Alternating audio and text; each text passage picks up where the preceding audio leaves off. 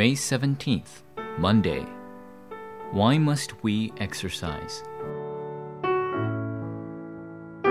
3 John chapter 1 verse 2. Dear friend, I pray that you may enjoy good health and that all may go well with you, even as your soul is getting along well. To become a gospel elite capable of saving the world, we must utilize our time well. If we manage our spare time, mornings and evenings, well, we can easily surpass others. Managing one's health is as important as managing time wisely. The best method for maintaining health is by exercise.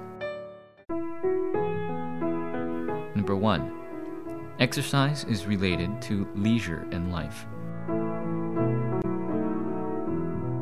Having time to exercise means that a person is disciplined in their lives in regards to being able to manage their time.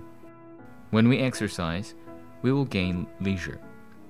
In particular, because all of our thoughts are focused in one place, it is possible to easily meditate or do scheduled prayer. When we become morning people, it is easy to accomplish all that is difficult for others to do. Number two, exercise is related to health.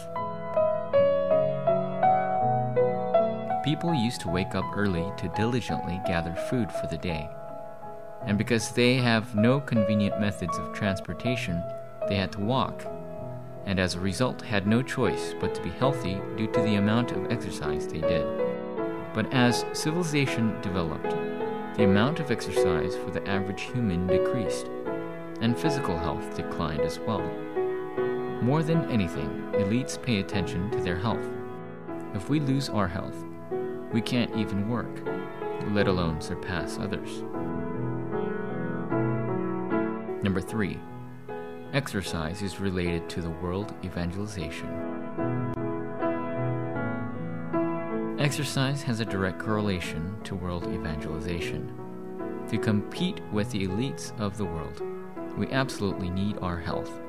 Because it is difficult to begin exercise after we age, it is imperative that we begin now. When we exercise, not only will we be physically healthy, but we will grow spiritually healthy as well.